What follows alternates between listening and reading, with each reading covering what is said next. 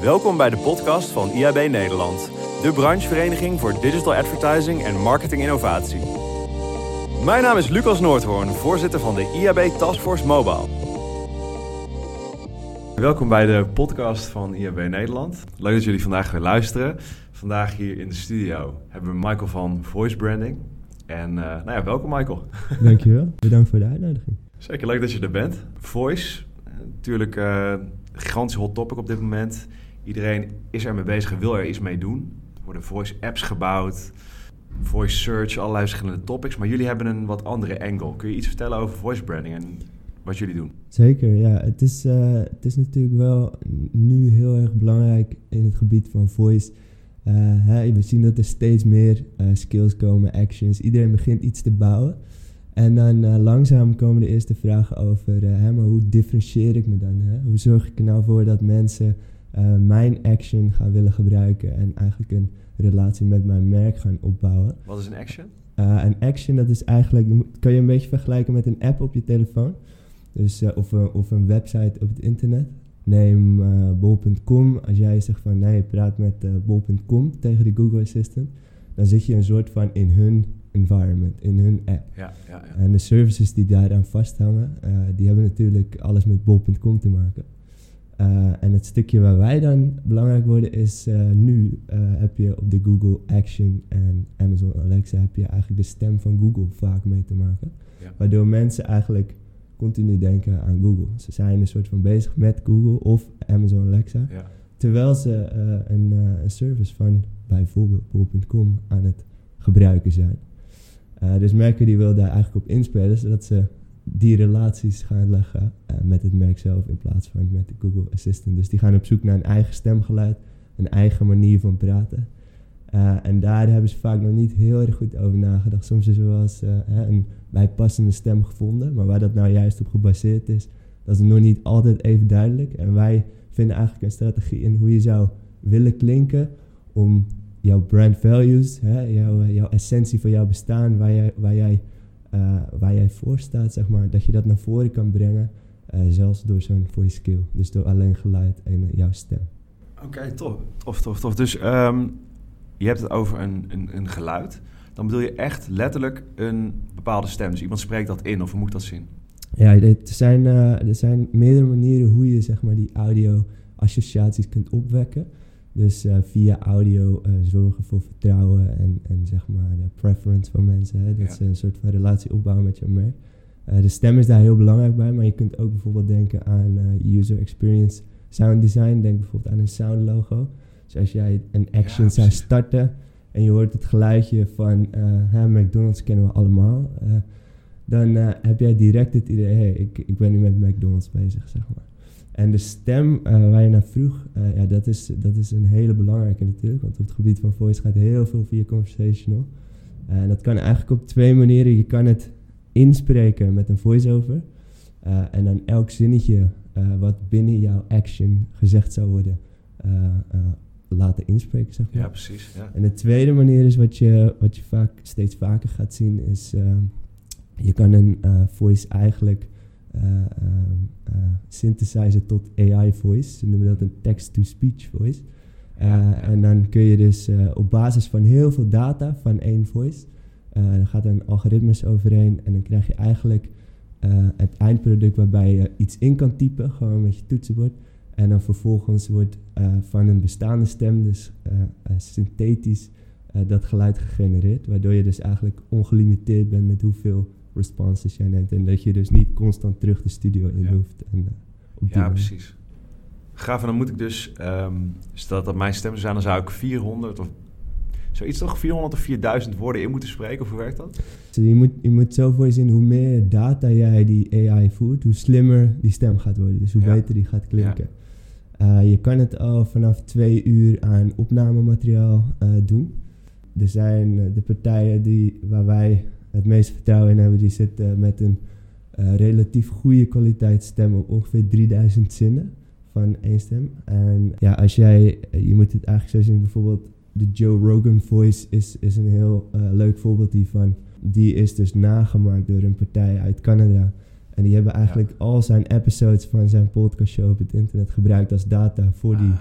artificial intelligence. En daar komt een stem uit die dus eigenlijk niet meer te onderscheiden is van zijn echte stem. ja, ja, ja. Het is ook wel een beetje eng natuurlijk, maar dat is wel eh, ja, ja, de mogelijkheden, zeg maar. Wauw, oké. Dus dan heb je eigenlijk gewoon een stem helemaal nagemaakt. En je kunt welke zin dan ook zou je kunnen reproduceren. En zo dus je Alexa skill of eh, Google Action zou je dus gewoon daar helemaal op kunnen baseren. Elke. Ja. Oké, wauw. Ja, en het stukje waar wij dan vooral zitten is eh, als jij zomaar een stem pakt waarmee je dit traject ingaat, eh, die jij eigenlijk gaat binden aan jouw merk, dan eh, kan het wel zijn dat die helemaal eh, scheef geïnterpreteerd wordt op waar je eigenlijk voor staat.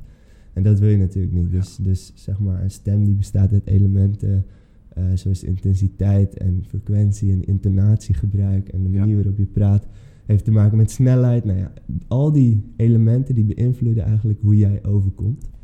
Eh, en als jij dus als merk staat voor, ja, ik, ik wil heel rustig overkomen en ik wil eh, eigenlijk eh, gezien worden als een, als een caregiver die voor iedereen klaar staat. Ja. Ja, dan is een stem die, hoe ik nu ga praten, heel snel, die eigenlijk de ruimte uit wil en die niet, niet met me bezig wil zijn en een beetje rumelt op dezelfde frequentie. Dat gaat niet helemaal goed overkomen. Dit is natuurlijk een extreem voorbeeld. Maar daar een strategie in vinden, Ja. dat, is, dat is het puntje Oké, waar. Maar als je nou kijkt naar dit proces, als je een, ehm, een traject ingaat met bijvoorbeeld Nike, merk wat iedereen kent, ehm, maar je kiest één stem dan bijvoorbeeld, of kies je meerdere stemmen. Want ik kan me voorstellen dat sommige mensen zich eh, heel prettig voelen bij een bepaalde stem, maar anderen juist misschien een beetje een rare associatie krijgen met het merk. Of het is heel moeilijk denk ik, want je wil een merk laten spreken en ineens wordt het een soort van mens. Ja. Eh daar kun je ook best wel de mis mee gaan. Hoe, hoe zorg je ervoor dat je een soort van de juiste keuze maakt? Of wat is het proces wat je door, eh, doorgaat? Je begint, je begint zo'n proces eigenlijk met het, eh, met het leren kennen van het merk.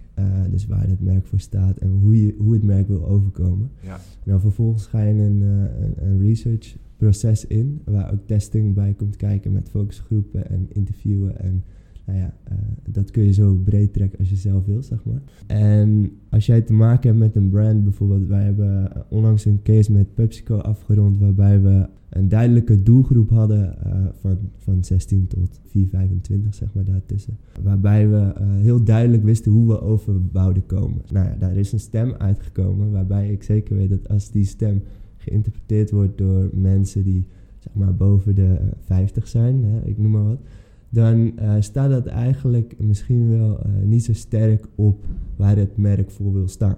Hè? Maar de goal is daar, we willen bij 16 tot 25-jarigen op die manier overkomen. Ja, dat doe je dus op, eh, op de manier wat nu het resultaat is.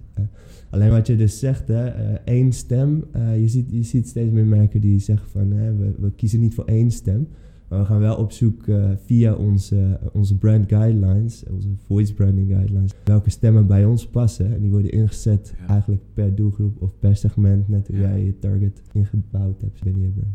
En worden dat dan soms bekende mensen? Moet ik dan denken aan eh, influencers of eh, BN'ers of dat soort stemmen? Bijvoorbeeld of ja, zo- zo- zo'n zo'n stem als die van Rogan bijvoorbeeld, eh, wat je eerder al noemde.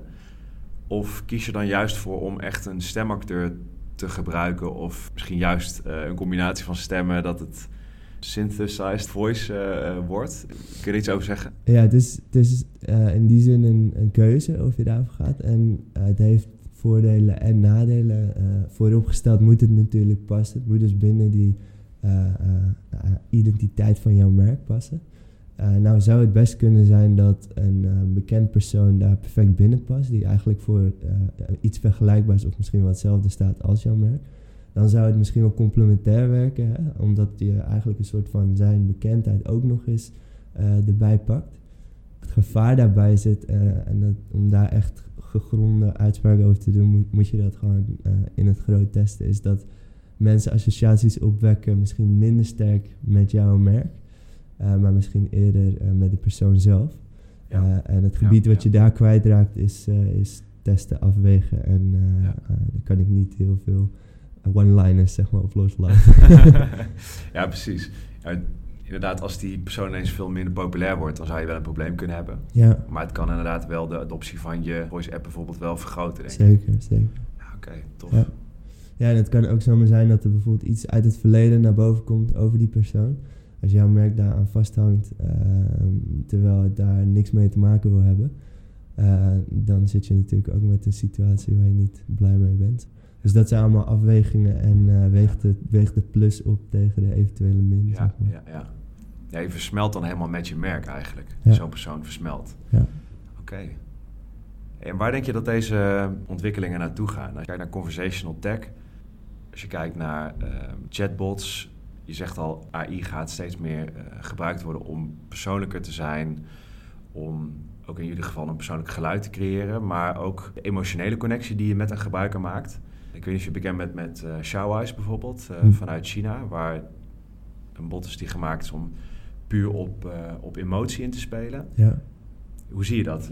Kun je iets over zeggen?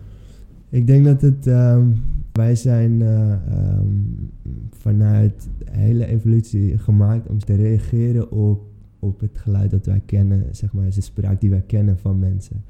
Eh, en er zijn er eh, heel veel discussies natuurlijk. Moet je niet heel duidelijk stellen dat je niet met een mens te maken hebt. Dat, dat vind ik ook. Alleen ehm, om reactie op te wekken en relatie op te bouwen met een mens, is er simpelweg bewezen dat als jij klinkt als een mens, ook al ben je hè, eh, een bot, eh, dat dat eh, veel effectiever is. Dus dat, dat mensen daardoor. en heel veel mensen zien het dus alsof je een relatie opbouwt met de bot zelf. Maar mijn visie daarop is dat je eigenlijk een sterkere eh, relatie opbouwt met een merk. En dat gebeurt eigenlijk op ieder channel via verschillende wegen. Dus het ligt een beetje aan de, de intentie van, van hoe iets gebouwd is. Nu ehm, heb je natuurlijk dat je zegt, ieder merk heeft een eigen stem, een eigen stemgeluid. Dus je praat eigenlijk met verschillende ja, mensen voor je gevoel. Het zijn verschillende bots. Ja. Kan het ook, kun je ook een situatie voorstellen? Ik heb wel eens over nagedacht van waar, er dan, ja, waar het landschap naartoe gaat. Dat iedereen een soort van persoonlijke assistant krijgt.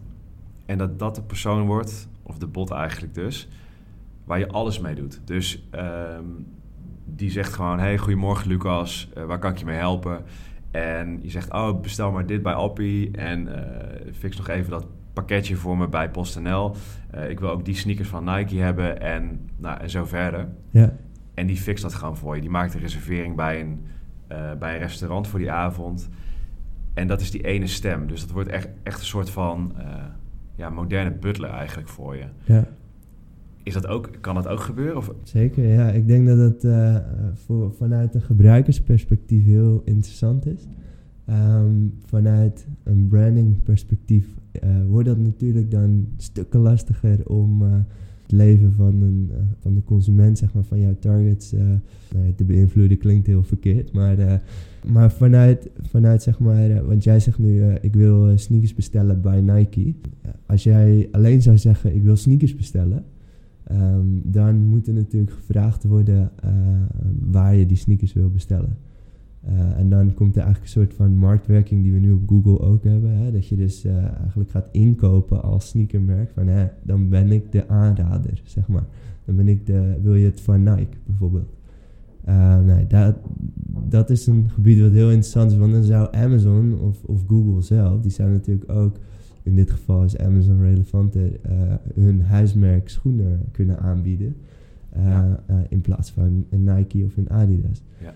En dan komt er dus heel, een heel, best wel groot prijsplaatje voor een merk zoals Nike en Adidas. Om dan boven merken zoals Amazon's huismerk, zeg maar, Ja. te worden gesteld. En dat, ja, dat, is, dat is een gebied waar ik geen idee heb hoe dat zou gaan. Maar vanuit een brandperspectief zie ik dat dat heel lastig wordt om dan uh, voorkeurspositie en vertrouwen te blijven opbouwen. Alleen vanuit de channel voor je, zeg maar. Ja. Natuurlijk zijn er verschillende channels, maar... Ja. Ja. ja, super interessant. En ik wil nog wel even over het onderwerp, het, het meer gevoelige onderwerp gaan hebben van, eh, eh, van beïnvloeden, wat je zelf al eh, even, even aanraakte net. Waar, waar ligt voor jou eh, de grens van, stel dat je zegt, ik maak een super, super goede bot, of hè, zowel qua copy, maar ook qua, eh, qua stemgeluid. En dat ik steeds meer data kan verzamelen over jou als gebruiker, waardoor ik weet wat jouw soort van triggers zijn. Ja.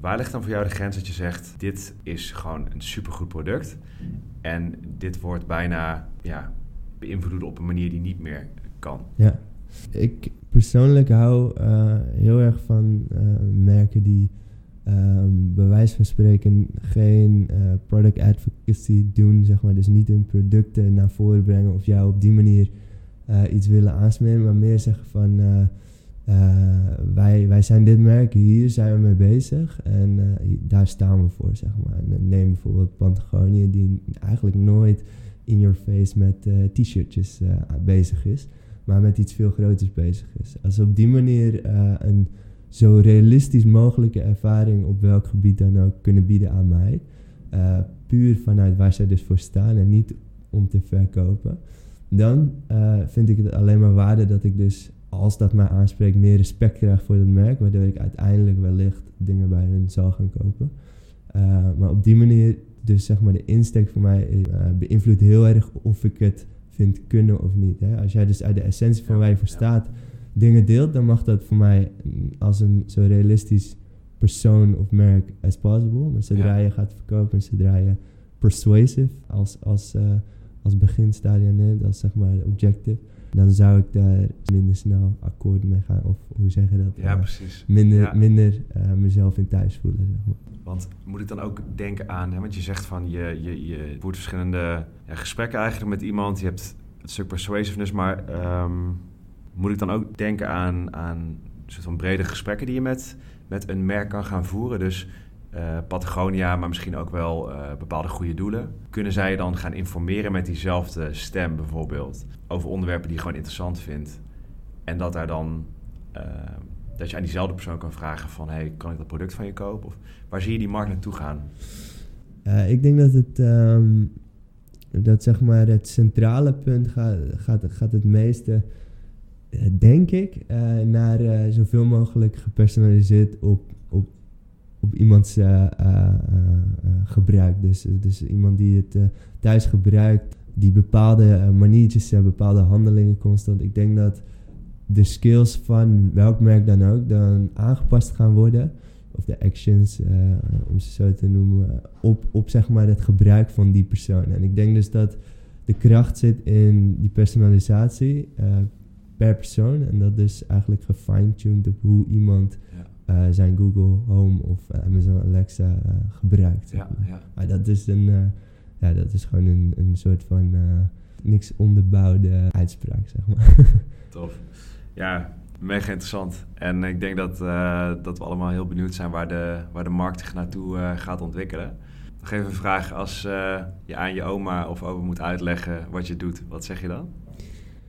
Dan, eh, dan zeg ik eh, dat ik de kracht van audio eh, exploiteer. dan zeggen zij, je nog een koekje? of zo? Ja, ja. Oké, tof. Ja, weet je, ehm, heel, heel interessant. En, en ik denk dat het, het stuk waar jij op zit, echt het ontwikkelen van een, van een stem, buiten, buiten de bot, dat dat wel, ehm, wel eens echt een nieuwe stap kan zijn. ja. En ons eh, naar een wereld gaat brengen waar we echt assistants gebruiken als assistants. En dat het niet meer voelt als een, eh, als een chat. Dus Ja. eh, ja. Gaaf. Hey, superleuk dat je, dat je vandaag hier eh toe wilde komen en eh, met ons je kennis wilde delen. En eh, ja, we zullen het allemaal zeker in de gaten houden. Thanks. Thanks. Bedankt voor het luisteren. Wil je meer horen over digital advertising en marketing innovatie? Ga dan naar iab.nl.